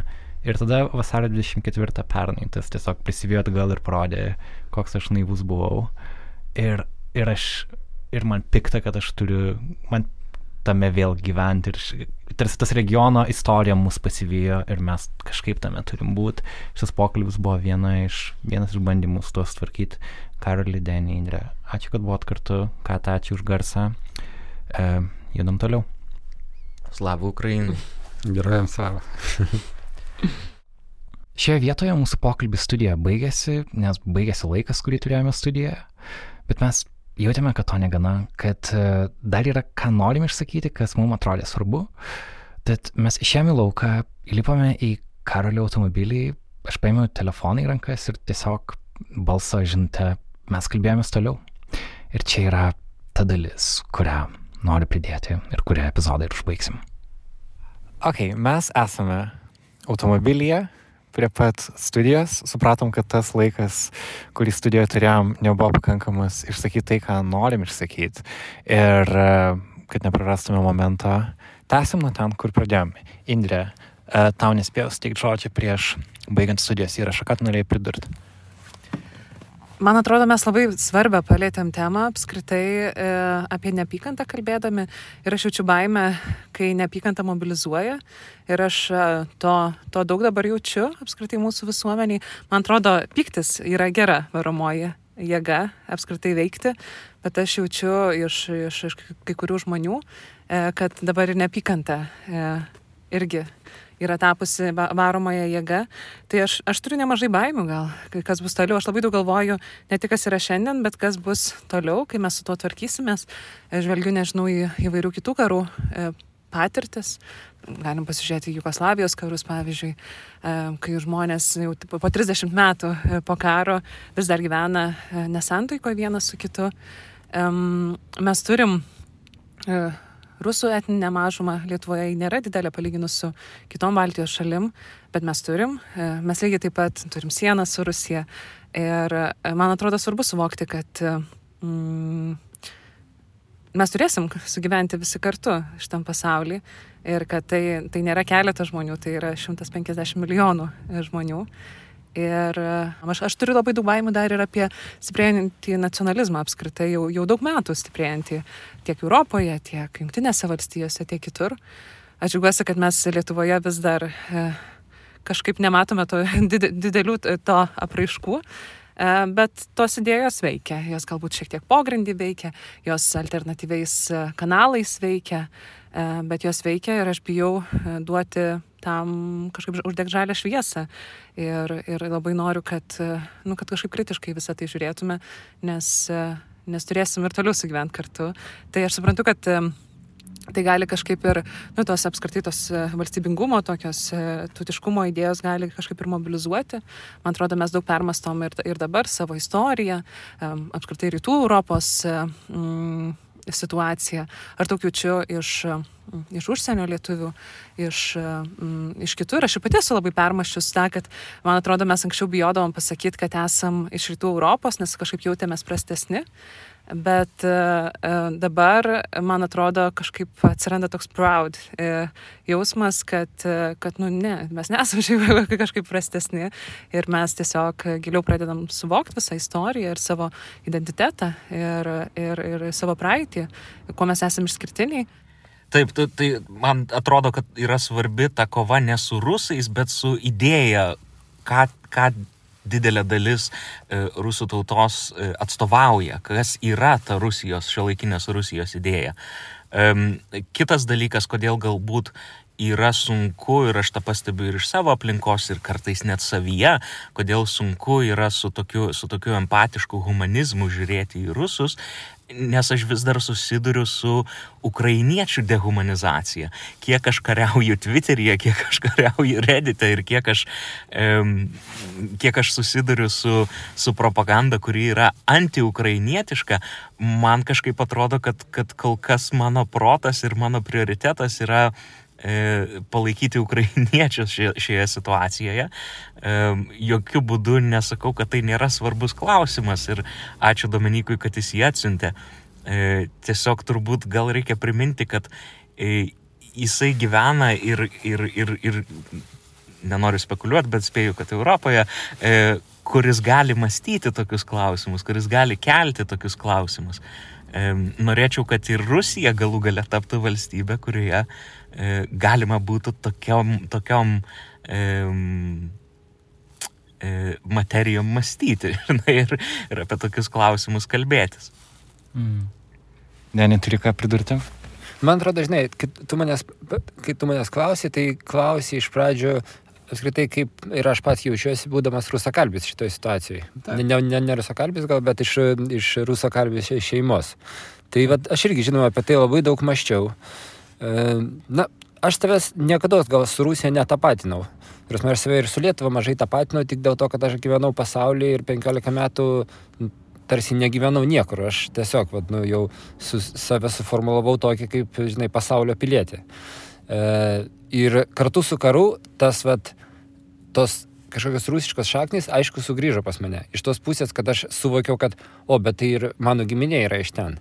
Ir iš esmės net pradžioje labai pikausi savo motiną, kai tik prasidėjo karas. Tikrai, nu, man, man, nes man jie kilo, aš tiesiog negalėjau suprasti, kad, nu, ir negalėjau gal net to priimti, kad e, dar, dar, dar tuomet nebuvo tų sankcijų, kad buvo uždrausti rusų kanalai. Ir aš negalėjau gal net priimti, kad mano motina tom tiki tą visą rusų propagandą. Ir tikrai buvom labai smarkiai susipykę prieš mano pirmą kelionę į Ukrainą. E, o po to, nežinau, tarsi mano kelionės pakeitė ir mano motina. Jis jinai, jinai pradėjo, okei, okay, jinai pradėjo abejoti propagandą, jinai pradėjo skambinti kažkokiam draugiam į Kievą, pasi, kad, kad jos patvirtintų, kad iš tikrųjų jos, e, jos ten bombarduoja. Ir aš taip pajutau, kad, o, tai netgi per, žinai, per, atrodo, per šeimos ryšius, per tai, ką tu darai, tu gali paveikti ir savo artimus žmonės ir gali jiems kažką, ka, ka, ka, kažką parodyti, kad yra, kad, kad, kad yra kitaip. Pavyzdžiui, mano motina pradėjo šiaip ieškoti savo mūsų šeimos šaknų istorijos. Aš galvojau, iki šito karo aš galvojau, kad aš esu antra šeimos karta, kuri gimė čia. Dabar išaiškėjo, kad ne, kad penkta. Buvo, seneliai buvo trumpam išvykę į Rusiją, bet iš esmės, nu, taip pat jau tai yra penkios kartos iš motinos pusės, kurie gyveno Lietuvoje. Ir jie čia irgi atsidūrė čia, nes jie bėgo nuo, nuo, nuo, nuo caro Rusijos valdžios, kai, e, kai starovėrus visus e, persiekėjo Rusijai. Ir vat prieš penkias kartas, jau bėgdami nuo, nuo, tų, nuo, nuo labai panašių represijų, tarsi mano šeima irgi čia, čia, čia atsidūrė. Tai čia man irgi toks labai, nežinau, iš vienos pusės, tai gal aš ir ieškau to visada galvoj pat, pat, pateisinimo, kad vis dėlto visų nedemonizuoti. Ir aišku, aš nuvarau į Ukrainą ir ypač būdamas ten ir, ir visą tai matydamas, aš vėl pradedu, aš pradedu tikrai demonizuoti visą rusų, rusų, rusų tautą. Vėliau aš grįžtu čia, atrodo vėl keičiasi, kaž, kažkaip vėl bandai ieškoti kažkokių loginių pateisimų, bandai ieškoti tos empatijos, bandai pats kabintis už savo paties vertybių. Vat būtent, tai, tai ką aš nekėjau, kad, e, kad, kad negalvoti kažkokiais stereotipais, žinai, ne, ne, kad ne, ne, ne, ne, nedaryti iš to kažkokios raganų medžioklės. Ir e, jo, ir man jie iš tikrųjų vis dar yra, man atrodo, tas konfliktas, nes, nes e, Nes tiesiog tas visas, nežinau, tas visas tautiškumas, gal aš nežinau, jisai, kad ir netgi, jo, aš savęs su Rusija tarsi nematau net savęs kaip Ruso, bet tuo pat metu suprantu, kad, kad tas vis tiek yra. Ir tas vis tiek tam tikrus konfliktus galvoje visą laiką, nežinau, sukuria. Ir dar kitas dalykas, bet irgi gal, va, čia, va, kad irgi Dominikas tarsi iš šono tai žiūri, jis, jis nu, gal, iki galo nejaučia, kaip yra čia Lietuvoje, dar galbūt labiau iki galo nejaučia, kaip yra Ukraina, Ukrainoje, kaip iš kur, iš kur kyla tas, žinai, toks, iš kur tas demonizavimas kyla. Tai iš tikrųjų, kuo toliau esi nuo, nuo fronto, to, to, nu, turime, to frontas yra toliau nuo tavęs. Ir, ir gyvenimas aplink tave yra toli nuo to fronto. Tave, tu, tu, tu, tu, tu nejauti to pastovaus dialogo, kuris yra ore, kuris, kai aplinkui visi, visi kalba apie karą. Aš atsimenu, pirmas karo savaitės Lietuvoje, tai tu bet kokią užėgą nuvarai, kavinę, nežinau, barą ir tu girdi, kad už visų staliukų žmonės aptarinėja, aptarinėja karą ir tai su, sukuria tam tikrą, atmosfer, tam, žinai, tam tikrą atmosferą, nes jis yra čia arti. Ir, bet, pavyzdžiui, kiek su ukrainiečiais bendrauju, tai, pavyzdžiui, ukrainiečiams irgi kartais jiems net Lietuvoje trūksta to dialogo apie karą, nes žmonės čia pavarksta apie tai ir jiems, jie, jie tarsi vis tiek daug, nu, lieka tarsi neišgirsti iki galo. Jie, jie, jie tarsi, žinai, yra, vat, kai, kai pats grįžtu iš Ukrainos, pir, pir, pirmas ypač porą savaičių, tai man yra labai sunku bendrauti su žmonėmis, nes man viskas atrodo kaip plastikas. Man atrodo, kad e, žmonės čia gyvena savo gyvenimus, o kaip galima gyventi savo gyvenimus, kai va čia kaiminystė vyksta tos dalykas. Po to tu įsivažiuoji kažkiek, ta, žinai, tą Lietuvo, Lietuvos gyvenimą ir, okei, okay, tu jau pats pradedi va, su to pačiu autopilotu kažkokiu gyventi. Važiuoji dar toliau, nuvažiuoji kokią Ispaniją ir iš vis keista. Aš atsimenu, kai po antro atvažiavimo, žodžiu, kažkada Birželio mėnesį aš išskrid, nuskridau į Barceloną, aplankyti draugų ir aš einu per tą Barceloną ir, ir aš matau Barceloną, bet aš įsivaizduoju ją subombintą. Nes aš ką tik mačiau labai daug subombintų miestų Ukrainoje ir man tas karas kartu su manimi jis tarsi keliauja ir į tą pačią Barceloną, kur aš einu ir aš įsivaizduoju, o kaip būtų, jeigu čia ateitų karas. Ir tas, bet žmonės gyventys ten, jie to nesupranta. Aš kalbu, ten bandau kalbėti savo draugais apie, apie, apie karą, o jie sako, kad e, jo, čia turbūt gal net amerikiečiai kalti ir iš vis čia kažkoks politinis žaidimas. Ir tas momentas, kad kenčia iš tikrųjų žmonės, jis pasimeta. Nežinau, tiesiog tas karas jis tampa kažkoks bendras statistinis, nežinau, faktinis bet negilus. Jo, gal geras pavyzdys yra Vokietijos valstybė, ar ne, ir kaip jie su nacizmu, susi, su jo atmintim susitvarkė. Ir dabar esam situacija, kada niekas nedemonizuoja vokiečių kaip žmonių, bet jeigu tu palaikai nacizmo idėjas, na, čia yra raudona linija, kurios tu realiai jokiam uh, kažkokiam pagarbiam, civili... tokiam tiesiog tai už ribų, aš nežinau, kur, kur rasti erdvę, kur tai kažkaip būtų toleruoti. tai jo, bet turbūt čia būtų geriausias įmanomas variantas, kad pačia Rusijos visuomenė kiltų toks de, nežinau kaip tai pavadinti, de, deputinizacijos kažkoks judėjimas, kuris Ir aš nesakau, kad mes, žinai, Lietuvoje kažkaip čia labai gerą pavyzdį tam rodom. Mes irgi savo ten nacijų okupacijos metu, žinai, nepadarėm kažkokios refleksijos į ten, vis dar tik tas vyksta labai mhm. lietai, tai iš nes nenoriu sakyti, kad mes čia kažkokie labai geresni už tai, kad tai yra sunkus procesas, bet tai yra turbūt vienintelis kelias kažkaip čia su savo kažkaip traumą sudylint. Bet čia atrodo, kad mes kalbame apie tai, kaip baigsis karas, tada tai bus. Bet tai yra tokia tolima, kad ateitis atrodo, kad, kad čia tokia tik teorija. Mhm. Jo, labai sunku apibriežti, kaip, kaip, kaip mes atrodysim, galų galiai ir ką jausim, e, kai tas karas baigsis. Man turbūt labai įdomi yra ta nacionalizmo tema. Dėl to, kad tas nacionalizmas, kuris buvo pasėtas Europoje per pastarąjį dešimtmetį, Orbanas, Trumpistai, jis toks gana prorusiškas. Ir Lenkija, Lenkija liko vienintelė, vienintelė tokia konservatyvi nacionalistinė idėja paremta nu, iš valdžios pusės e, e, valstybė, kuri e, yra ant, antirusiška e, dėl, dėl savo istorinės atminties. Ir ir įdomu, vat, koks, kokį nacionalizmą išgimdys um, tas karas. Nes kol kas akivaizdu, kad ir Lietuvoje, ten kur turim tų pakankamai daug antivakserių, puidokų, e, žemaitaičių ir kitų, e, jie yra prorusiški labai akivaizdžiai. Ir, ir įdomu, ar, ar, ar, ar atsiras kiti nacionalistai, kurie juos išstums iš nacionalistų kėdžių. Gal čia dėl to, kad Ukrainos idėjas, Ukrainos kova savy yra ir tam tikra kova už liberalumą, ar ne, kad um, atvirumą, už uh, toleranciją, tarsi tai, ko nacionalistai nemėgsta, Ukrainos bent jau dabartinė, uh, na, kad, kad atrodo, kad jie kovoja už tai, dėl to gaunasi toks keistas disonansas iš nacionalistų pusės, kad jie kaip ir prieš Rusiją, bet jie ir Uh, žinai, už LGBTQ, tai kaip čia mes juos galim palaikyti. Jo, ir vats taiga Stambulo konvencija ratifikavo karo metu, ar ne? Tai mes galime kalbėti, žinai, kai, kur šiuo metu yra Ukraina, bet jų vektorius ir jų kryptis yra aiškiai, jinai, jinai yra link vakarų. Link Geiropos. Taip, karo. taip, taip.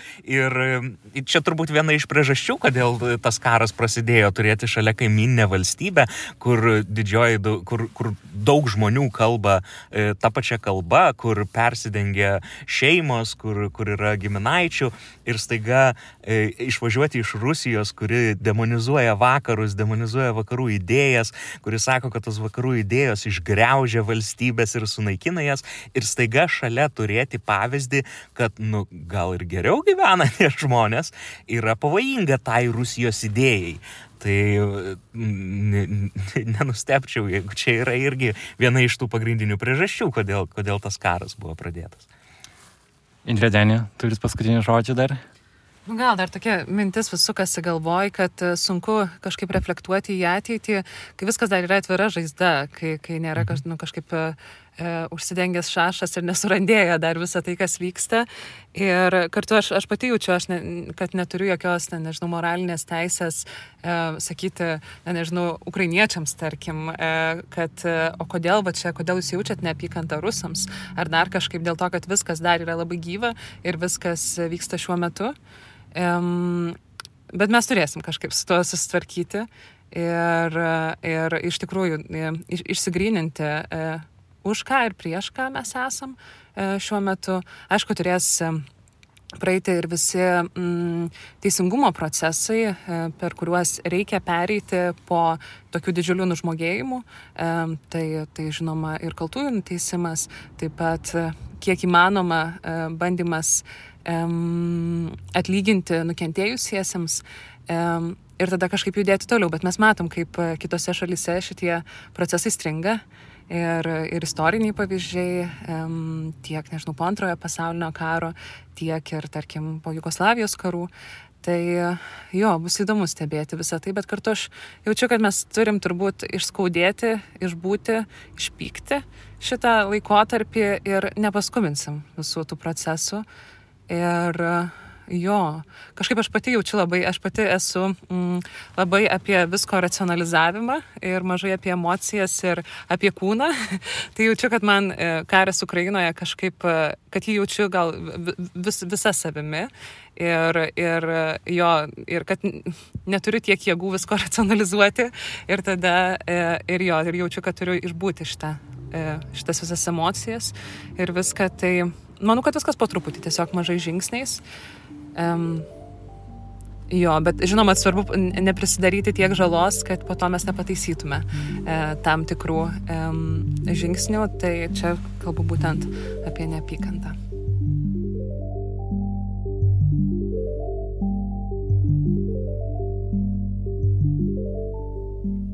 Vasario 24-ąją sueina vieneri metai nuo Rusijos pilnos invazijos į Ukrainą ir destrukcijos, kuri vyksta šioje šalyje visai arti mūsų. Ačiū, kad buvote kartu šitame įraše, jis mums buvo labai svarbus. Parašykite mums į socialinius tinklus ar elektroniniu paštu nara.nara.lt, kokias mintys jums jis sukėlė, ko mes nepaminėjom, ką norėtumėte išsakyti. Mums tai yra svarbu išgirsti. Ačiū visiems, kurie dalinasi. Ačiū kolegai Adomui Zubiai už garso montavimą. Ačiū Kati Bitoft už garso režisierės darbą Mašvito bibliotekos įrašų studijoje. Ačiū Martinui Gailiui už muziką. Mano vardas yra Karolis Višniauskas. Iki greito.